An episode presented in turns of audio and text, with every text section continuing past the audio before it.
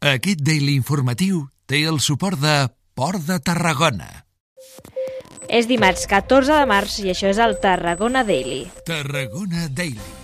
El Comitè d'Empresa de Sanejament Urbà de Tarragona ha desconvocat aquest dilluns la vaga prevista per Setmana Santa. Després de diverses reunions en grups municipals a l'oposició i entitats veïnals, el comitè assegura haver rebut plens suports, però també peticions de desconvocar la vaga. Tot i això, el comitè referma el rebuig a l'actual procés de licitació i assegura que mantindran diverses accions de protesta. Així mateix denuncien la negativa a negociar una sortida pactada del govern municipal. De fet, Ángel Martín de Sande, president del comitè, assegura no haver rebut una sola trucada en aquest temps. Ara Martín afirma que desconvoquen aquesta vaga en un gest de responsabilitat a la ciutadania i la Setmana Santa. Y que somos tarragonistas, tarragoninas, es no querer perjudicar la Semana Santa. Eso no conlleva al semáforo en rojo, esto no conlleva en los próximos meses o lo que sea, ya veremos a ver qué pasa.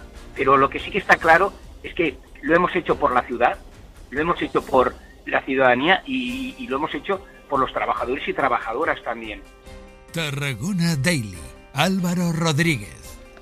I parlem ara de política, i és que el president de l'ADT Torreforta, Robert Hernández, ha estat escollit com a cap de llista de la formació Valents a Tarragona. Aquest dilluns ha donat els detalls del seu pas a la política amb aquesta formació desconeguda a la ciutat als micròfons del Bon Dia Tarragona. En clau estrictament electoral, Valents es proposa ser decisiu en els comicis. Tot i ser un partit majoritàriament constitucionalista, Hernández afirma que la qüestió nacional no serà rellevant en els seus pactes entenem que és un tema constitucionalista, per suposat, però també hem de tenir en compte que en clau municipal el que prevaleu és la, la, la, la, la localitat. No, no pre... o sigui, el que no farem és tirar la casa per la finestra per una qüestió merament constitucionalista. No? Nosaltres, per suposat, som un partit constitucionalista.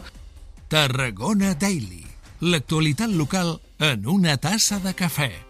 I seguim parlant de política perquè després de que al novembre la CUP fes oficial els cinc primers noms de la seva llista per les eleccions municipals del proper maig, aquest dilluns ha ampliat aquesta llista i ha desvetllat els noms dels següents nou integrants fins a arribar al número 14.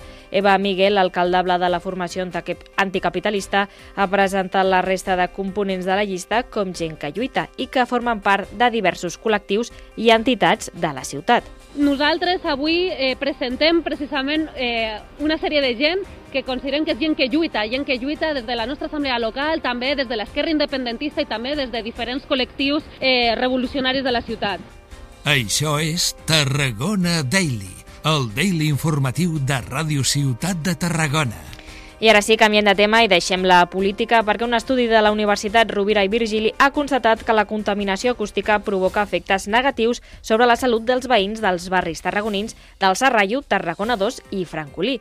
Alteracions del ritme cardíac i en els patrons de la son són les principals afectacions detectades pels investigadors del Departament d'Enginyeria, Informàtica i Matemàtiques de la URB, que han impulsat un projecte de ciència ciutadana amb la participació de 35 veïns estudiants d'aquests aquests barris.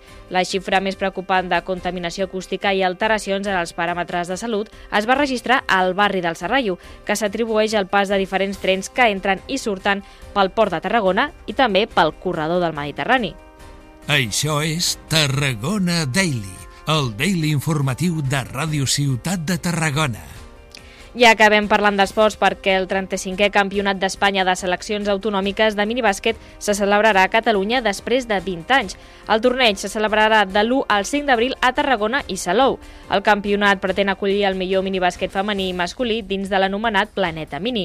En el marc d'aquest torneig, tant l'Ajuntament de Tarragona com l'Ajuntament de Salou preveuen l'arribada d'unes 3.000 persones i una ocupació turística de gairebé al 100%. I això és tot. Moltíssimes gràcies per escoltar-nos i recorda que pots escoltar tota la informació local més destacada cada matí al web de Ràdio Ciutat de Tarragona, Spotify i iTunes. Fes-nos part de la teva rutina. Fins demà! Tarragona Daily. Disponible cada matí al web de Ràdio Ciutat de Tarragona, Spotify i iTunes. Subscriu-te!